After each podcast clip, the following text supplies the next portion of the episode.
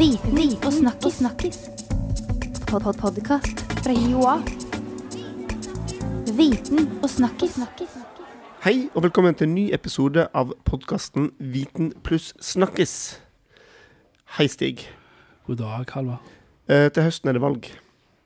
Ja, det blir spennende. Det blir veldig spennende. Og da lurer jeg på Tror du på alt det media skriver om Nei. og politikken? Nei, jeg tror ikke på alt. Ikke Vi- Nei, men ja, ja, vi har stor tillit til norske medier. Eh, vi er jo et uh, land med tillitsfulle folk. Og jeg tenker at uh, det som kanskje er mest bekymringsfullt med norske medier, er jo, er jo kanskje ressursene de har tilgjengelig, om det går for fort i svingene, og at det måtte faktaen lider pga. tidspress og, og bemanningsproblemer, Ja. Det blir jo ekstra spennende denne høsten her, da, etter at vi har hatt det som et Trump-valg Ja. og noen europeiske valg og fake news og fakta osv. Ja, det er mange som be- beskylder norske medier for å drive med fake news. Eh, Vi ser jo det stadig vekk, eh, politikere. Så det blir spennende å se i høst. Ja, og dette er da tema for dagens episode. Det er altså, er det mulig å manipulere media med politisk kommunikasjon?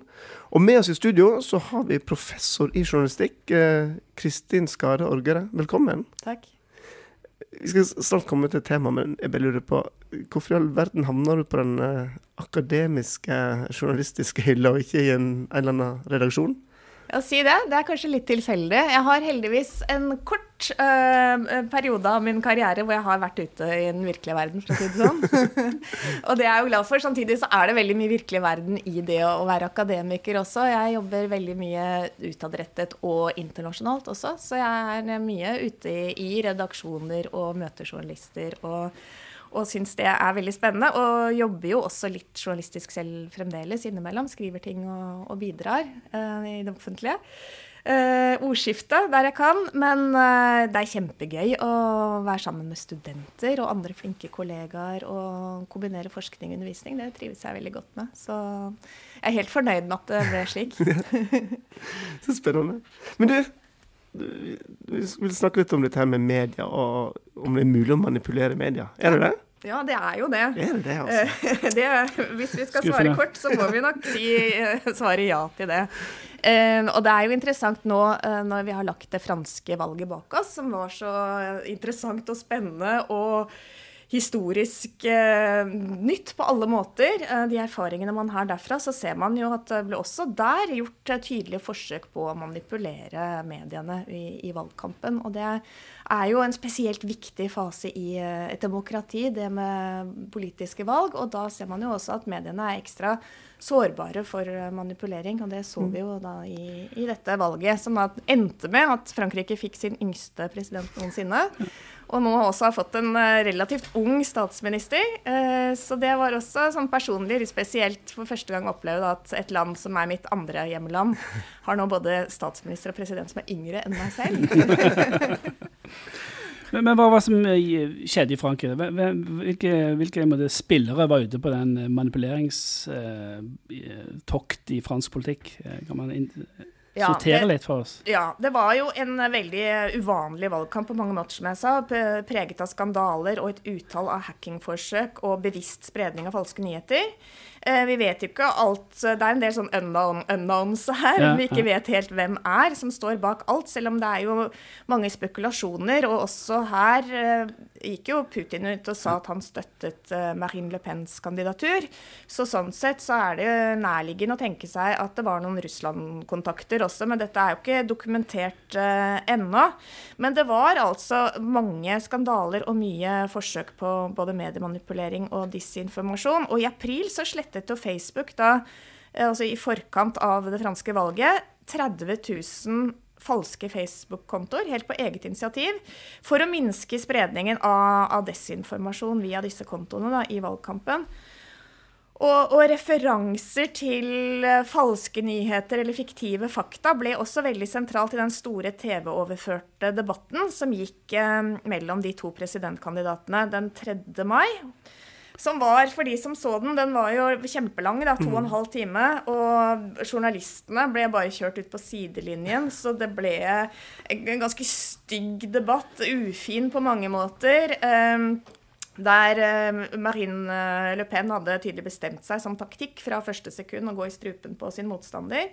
Og vi fikk dessverre altfor lite kjøtt på beinet av informasjon av hva disse partiene, eller Macrons parti var jo ikke ennå et parti da, bare en bevegelse, og hva de egentlig sto for. Og det er problemfylt i da et nytt landskap hvor de tradisjonelle partiene ikke engang kom til andre runde. For første gang i den femte republikks historie. Ja. Hvorfor, hvorfor, hvorfor, skjedde dette, da? Hvorfor, hvorfor så vi denne litt sånn øh, omdreiningsskruen ble skrudd til på i fransk debatt, TV-debatt? Er det et svar, eller på Da så vi jo da at to timer ut i denne debatten så sier Marine Le Pen eh, litt sånn med et lite smil eh, at ja, vi får håpe da, monsieur Macron, at ikke det kommer noen eh, bevis på noen falske Nei, ikke noen falske, men noen ekte eh, hemmelige kontoer på Bahamas eller andre steder, sa hun da med en liten latter. Og og da hadde rykter om uh, hemmelige bankkonto uh, sirkulert på internett allerede i flere timer. Og Macron anmeldte jo da spredningen av det han kalte falske nyheter neste, neste morgen. Ja. Uh, og det er viktig da å se hva er det vi kaller en falsk nyhet, for det blir jo brukt også mellom politiske motstandere i, som del av et spill. Ja, ja, men uh, her så refererer jeg til en falsk nyhet som en bevisst løgn eller usannhet, som gjerne blir fabrikkert da, for å, å, ramme en meningsmotstander, um, som ja. kan være en politisk opponent. Så argumenter brukt i politisk debatt, vil du si, om det innenfor den definisjonen? Ikke sant? Ja. Ja. Men, men burde journalistene under den debatten der vært sterkere og, og tatt den saken der? Det virket som de ga opp litt etter hvert. Uh, og, oss ble virkelig satt ut på sidelinjen. Og hun uh, som er sjef, hun var sjefsredaktørene i France 2, hun sa jo dagen etter også at det var det verste hun hadde vært med på. Og, og innrømmet at etter en stund så hadde de egentlig bare gitt opp med å prøve å komme De hadde jo en lang liste med spørsmål og tematikk de ville komme inn på, som de mm. rett og slett ikke fikk til. Uh, jo, så ideelt sett uh, kunne de løftet det opp, men samtidig, det var jo ikke da heller en direkte påstand. Det var mer en sånn insinuering, hinting. Så, så kanskje var det lureste også i etterpåklokskapens lys å bare la den ligge uh, istedenfor å forfølge det. Men det ble jo da uh, en større, større sak etterpå. Og vi ser jo det at i alle sånne diskusjoner om cyberkriminalitet, så er det ofte en sånne kampanjer man snakker om, altså hvor de leverer pakker da, som mm. består av flere sånne bestanddeler. Og det, det var jo Og som ofte er tidsavgrenset når målet, som da f.eks. kan være å få én presidentkandidat til makten, er uh, man er i mål med det, så, så, kan man da avslutte den kampanjen. Og der var det jo interessant å se at da eh, vi har denne spesielle situasjonen i Frankrike hvor de har en sånn lovpålagt 44 timers blackout før ja. valglokalene stenger. Så det er alltid valg på søndag.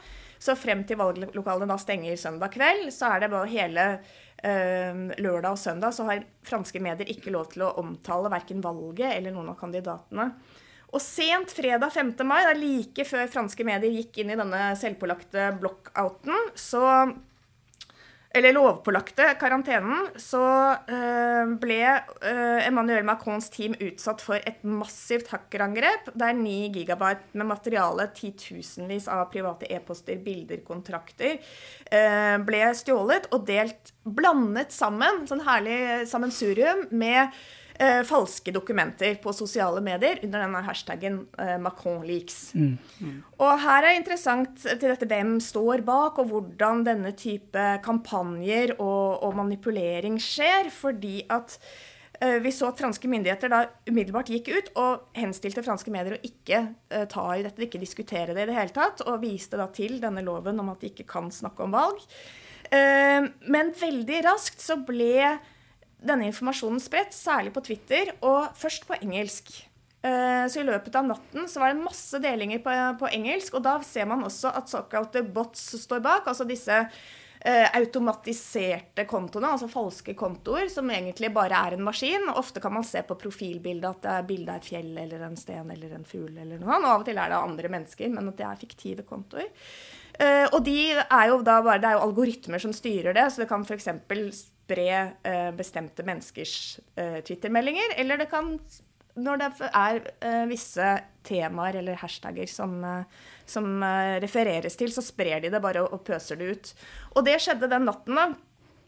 Eh, og det er tydelig at her står det et stort nettverk bak som sprer denne lekkasjen kjempefort. Og da er det så mye materiale, og det er umulig å si hva er sant og hva er usant. Men er ikke det meningsløst at man har et sånn selvpålagt eller lovpålagt eh, forbud mot, mot tradisjonelle medier, når sosiale medier da får måte rule Ja. grunn alene? Det virker Jo. helt eh, liksom Og det er jo litt der noe med den utakten der, og, og Frankrike mm, med rette kritiseres jo iblant for å ha falt litt akterut når det gjelder digitalisering. Og dette sier jo også Macron, at det står jo i hans partiprogram at han ønsker å ta et eh, gigasteg inn i fremtiden hva innovasjon og digitalisering og startups og, og slikt angår.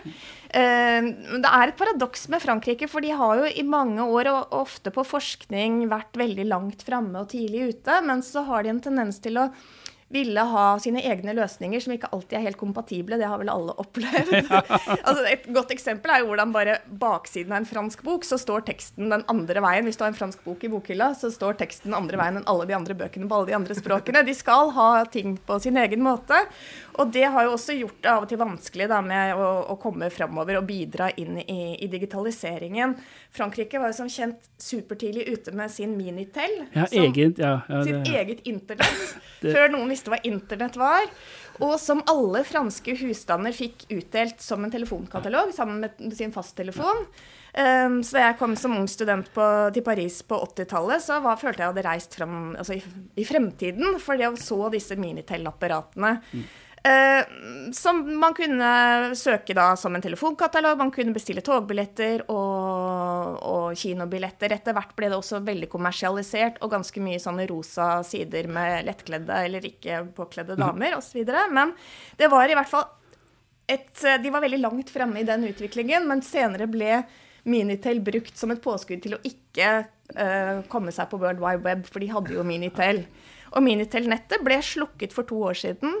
Og, og det er noen sånne paradokser der, noen anakronismer i fransk historie. Når jeg er i Frankrike om sommeren, så betaler jeg med sjekkhefte. nettopp. nettopp. Og det, Er det rart å bli utsatt for hacking når de holder på med sjekkhefter fortsatt?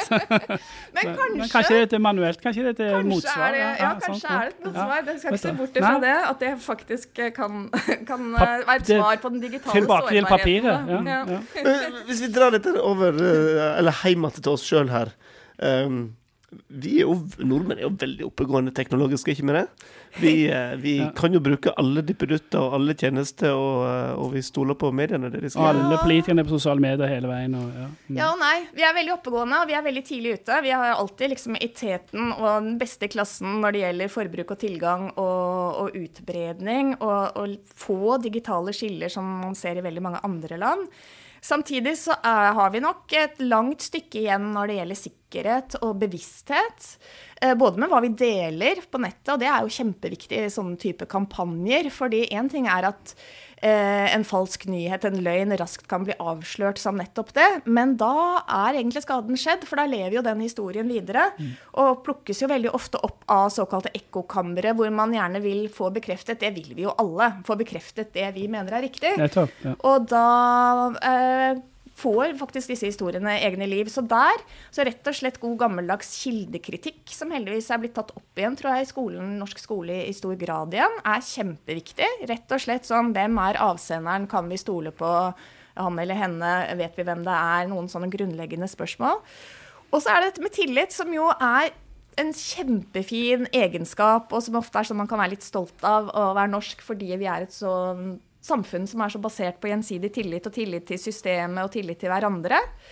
Eh, Men det jo, gjør oss jo også ekstra sårbare da, for denne type digitale cyberangrep.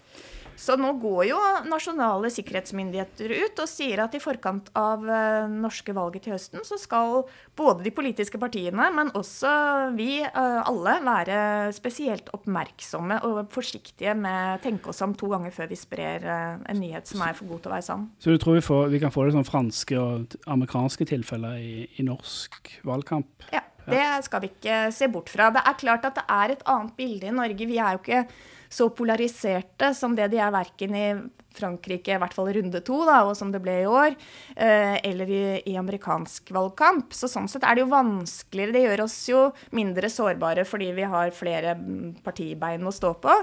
Og også når det gjelder kanskje først og fremst utenrikspolitikk, så er det jo ikke sånne kjempestore skiller mellom de forskjellige partiene. Men allikevel, vi kan jo godt tenke oss at det er en sak som er veldig viktig. Um, f.eks. EU eller andre eller ting, eller olje, eller uh, Russlands mm. forhold, grenser, den type ting. Eller personer, da, uh, i tråd med det. som, uh, at man ønsker å ramme én person, eller som representerer en sak. Og så er det jo Norges rolle i i, som uh, den gode hjelper i mange land, altså som for å skape fred. Altså er jo, vi er jo innblandet i en del kontroverser, eller potensielle kontroverser der, og vi deler ut Nobels fredspris. Altså, det er en del slike ting som kan gjøre oss uh, interessante og derfor også sårbare. Jeg lurer på en ting, mens Det har vært veldig mye snakk om, eh, om dette her under det franske valget og under det amerikanske valget, selvfølgelig. Eh, er dette nytt, eller kjenner du til Eller har for full styrke nå i de siste to årene, eller har det vært sånne tilfeller før med hacking? Vet man, Kjenner til det? Ja, altså Helt nytt er det jo ikke. Og helt det å spre desinformasjon og løgn er jo kjempe, kjempe, kjempegammelt. Ja, ja. Det har man sikkert drevet med i, i, alle tider. Men det som er nytt nå, er at det går så raskt. Ja. Uh, og denne pakkeløsningen som jeg snakket om, det hvor man blander falske, oppdiktede saker med reelle, men hemmelige saker som aktørene har delt, f.eks. i politisk kommunikasjon med tanke på at det var internt. Man uh, formulerer seg på en litt annen måte. Det ser man jo også nå med disse uh, utenriksdepartementsmailene som blir spredd. Det er ikke akkurat alltid du sier det samme som en diplomat i, i møte med en annen diplomat enn det du sier til dine kollegaer hjemme. Den type Eh, som jo også er en trussel da, for, for, deler av kommunikasjon den politiske kommunikasjon. Og så så vi jo da at denne hacking-Macron-leaks-saken eh, ligner også på en sak fra den amerikanske valgkampen i oktober i fjor. Da, da Wikileaks postet 20 000 hackede e-poster eh, fra gmail-kontoen til han eh, John Podesta, som ledet Hillary Clintons eh, valgkamp. Og, og, folk begynte umiddelbart å lete etter materiale naturlig nok, som ville si noe om eller uh, skade Hillary Clinton. Og da var det jo de mest utrolige påstander som ble spredt gjennom sosiale medier. Uh, en av de mer kjente var jo den med at Clinton var en sentral figur i en pedofiliring ja. som var den Chevy Chase-pizzarestauranten i Maryland. Som jo er så, så, så, vill og så usannsynlig at det er lett å le av det. Men den ble jo masse spredd, og ikke minst i ytre høyre-miljøer, hvor den uh, levde sitt eget liv lenge. Uh, og, og nådde da ytre høyre-blogger. Og så er jo det interessante hvordan da den kontakten mellom de sosiale mediene og etter hvert med konvensjonelle medier, og konvensjonelle medier da plukker opp ting som har spredd ja. seg. Og det er jo klart at i dag, med redaksjoner som er under stort press, uh, så er det jo kanskje også lettere å, å, plante den type ting, eller at de ikke har så mye uh, tid og ressurser til å kontrollere. Men, men du sier tidsressurser og, og, og, press er en faktor. Men, men har, har journalist, journalistene kompetanse nok på, på dette temaet her? Altså på på sånne skitpakker som blir servert, og, og misinformasjon. Altså, du må jo ha en del kompetanse på å kunne avdekke dette her. Det ja, digital kompetanse. Det går, jo, det går, jo, inn i den konkrete kjernekompetansen til en god journalist. Det gjør jo det, ikke sant. Som er være kildekritikk er jo veldig veldig sentralt i, i, hos gode journalister, og det og i, i, redaksjoner. Men det er klart, det er jo ofte sånn som du kan skorte på hvis du har veldig dårlig tid da, og mm. mye, under mye press. at da blir tar man litt lettere også på den viktige kildekritikken. Jeg tror det eh, de redskapene man har, det apparatet man har gjennom eh, vanlig eh, profesjonsjournalistikk, er absolutt gjør en god journalist rustet til å møte dette. Så det er mer da med hvor, massivt det presset er, og hvor liten tid man har i redaksjonen. Um, jeg syns det var kjempeinteressant å se i dag at uh, en av Twitters grunnleggere, uh, Evan Williams, står fram i New York Times og beklager dersom Twitter har vært delaktig i at Donald Trump er blitt president i USA. Uh, og det er klart dette med Trump sier jo selv at Twitter har bidratt sterkt til å hjelpe ham på veien inn i Det hvite hus. Og, og det er jo noe med denne Williams, Twitter-grunnleggeren, er også inne på at sosiale medier belønner ofte litt sånn ekstreme holdninger, og, og gir også god, god, grobunn da, til at de kan eh, videreutvikle seg. Så, så det er viktig å, å, se dette samspillet mellom sånne internettsubkulturer, som jo lever der, og det, det vil de alltid gjøre, men allikevel hvordan de narrativene blir plukket opp og etter hvert da blir sterke nok til å leve også i det større offentlige rom. Jeg har ikke både media et ansvar her til å være litt mer kritisk til hva alt Trump poster på Twitter? Og, altså, det virker som de bare tar det som en nyhet, bare for, det, for å twitre litt. Altså, et eller annet der. Uh, ukritisk bruke det som en sånn. Det har også vært interessant å se det siste nå at uh, New York Times har hatt en liten sånn disclaimer på, på nettet når de legger ut nye ting. at Vær obs, uh, husk å være kritisk, sjekk litt sånn huskeregler på, på kildekritikk til leserne, til leserne sine. Da. Ja, det er spesielt. Det så jeg Financial Times også hadde en egen sånn video hvordan lese nyheter. Ja, Sånn at man driver den pedagogiske opplæringen, ja. samtidig som man da gjerne skal ha raske, kjappe klikk, ja. uh, klikk ja. clickbates, uh, store overskrifter og fange leserne. Så den, man står jo der også i en, et paradoks, da. Og så har vi fått faktasjekk overalt. Du popper det opp med faktasjekk-opplegg. Hva, hva, hva, hva, hva, er ditt syn på det? Fungerer det som en, som en uh, medisin mot desinformasjon? og helt medisin mot er det kanskje ikke, men eh, det kan i hvert fall hjelpe å, å kurere noen av symptomene. Uh, og vi ser jo veldig tydelig da igjen i, i politiske valg hvordan uh, både det kan være et interessant sånn testområde uh, for disse faktasjekkredskapene, og, og, at det kanskje er spesielt viktig også i de periodene at da leserne, som også er velgerne, i den demokratiske forstand borgerne, eh, skal vite hva de har å forholde seg til. Og, og, i Frankrike så har det jo poppet opp flere sånne faktasjekktjenester i forbindelse med, med presidentvalget nå. Og eh, Liberation, store venstresideavisen, har sitt. Le Monde har sin, som de lanserte andre versjonen av rett før denne store TV-overførte debatten som jeg viste til i stad. Eh, og da fikk de virkelig prøvd ut da, eh, den nye versjonen av sin faktasjekk. Dekodex heter den. For å sjekke da om disse påstandene som politikerne serverte, holdt mål i lys av fakta som da finnes i, i statistikk og forskning. Um, så de brukte den da på alle utsagnene som ble levert av henholdsvis Nasjonalfronts Marine Le Pen og En Marches Emmanuel Macron den 3. mai. Og det var interessant å se, eh, for da viser resultatet at Marine Le Pen leverte hele 19 konkrete faktafeil. Og det er, er naturligvis bare eh, faktiske påstander som man kan sjekke. Alt som er meningsbasert og liksom synsing, eller type eh, den insinueringen som hun hadde, som jo også kan ha mye skadelig makt i seg eh, med at Macron kanskje kunne tenkes å ha, eller håpet at ingen fant ut at han hadde, eh, hemmelige bankkonti på Bahamas. Den type utsagn kan man jo ikke sjekke. Men av de påstandene hun leverte, så var 19 virkelig rød brop, eh, feil. Mens Macron eh, var skyldig i én overdrivelse, en sterk overdrivelse, eh, og én unøyaktighet. Og dette er jo viktig for å, liksom, også at folk får en, et blikk eh, Tydelig da, kvantitativ utsagn på hvor disse to kandidatene mm. står, på en, sånn, et parameter av løgn på den ene siden og sannhet på den andre. Får håpe det hjelper, da. for men, ja, ja, det er jo neste spørsmål, da. Tror du Le Pen sine, de som stemte Le Pen, fikk med seg nyheten om at hun hadde servert eh, faktafeil? Eller tenker de da at det er bare de tradisjonelle mediene som er ute etter å ta henne uansett? Og mm. klart, det, er har, det er da vi er inne på en annen og mye større diskusjon som ligger bak her. Hva gjør man når folk ikke har tillit i det hele tatt? Og verken til valgsystemet eller til nyhetene.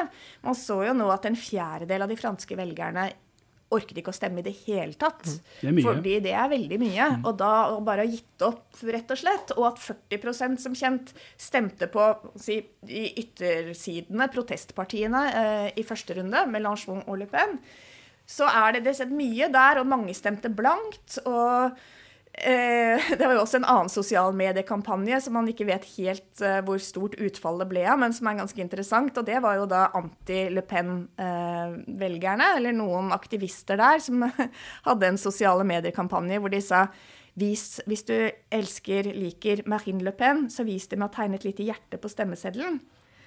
Og i Frankrike, som i Norge, så blir jo eh, stemmesedler som er klusset på, om det er hjerter eller andre ting, de blir jo underkjent og kastet. Og det var faktisk en stor andel, mye høyere enn tidligere, stemmesedler som ikke ble godkjent i Frankrike. Det vet jeg, men jeg vet ikke hvorfor. Men det har vært veldig interessant å finne ut hvor mange hjerter som ble kastet i søpla. Så det er klart, her bruker man jo det man har, og også til å, å styrke det man tror, eller eventuelt ikke tror på. Og det er jo sant, selv om man da får disse faktasjekkresultatene, så kan jo det bare bekrefte det du egentlig vet. Og jeg tror nok her har mediene en annen og mye mer langsiktig og større oppgave, og det er jo å prøve å sørge for at flere føler at de blir hørt, at deres stemmer kommer til uttrykk eh, i mediene. Og her tror jeg særlig Frankrike, eh, som er et land som har vært i vedvarende krise i flere tiår, hvor 10% er arbeidsledige, og det har de vært over lang tid. 25% av unge mennesker.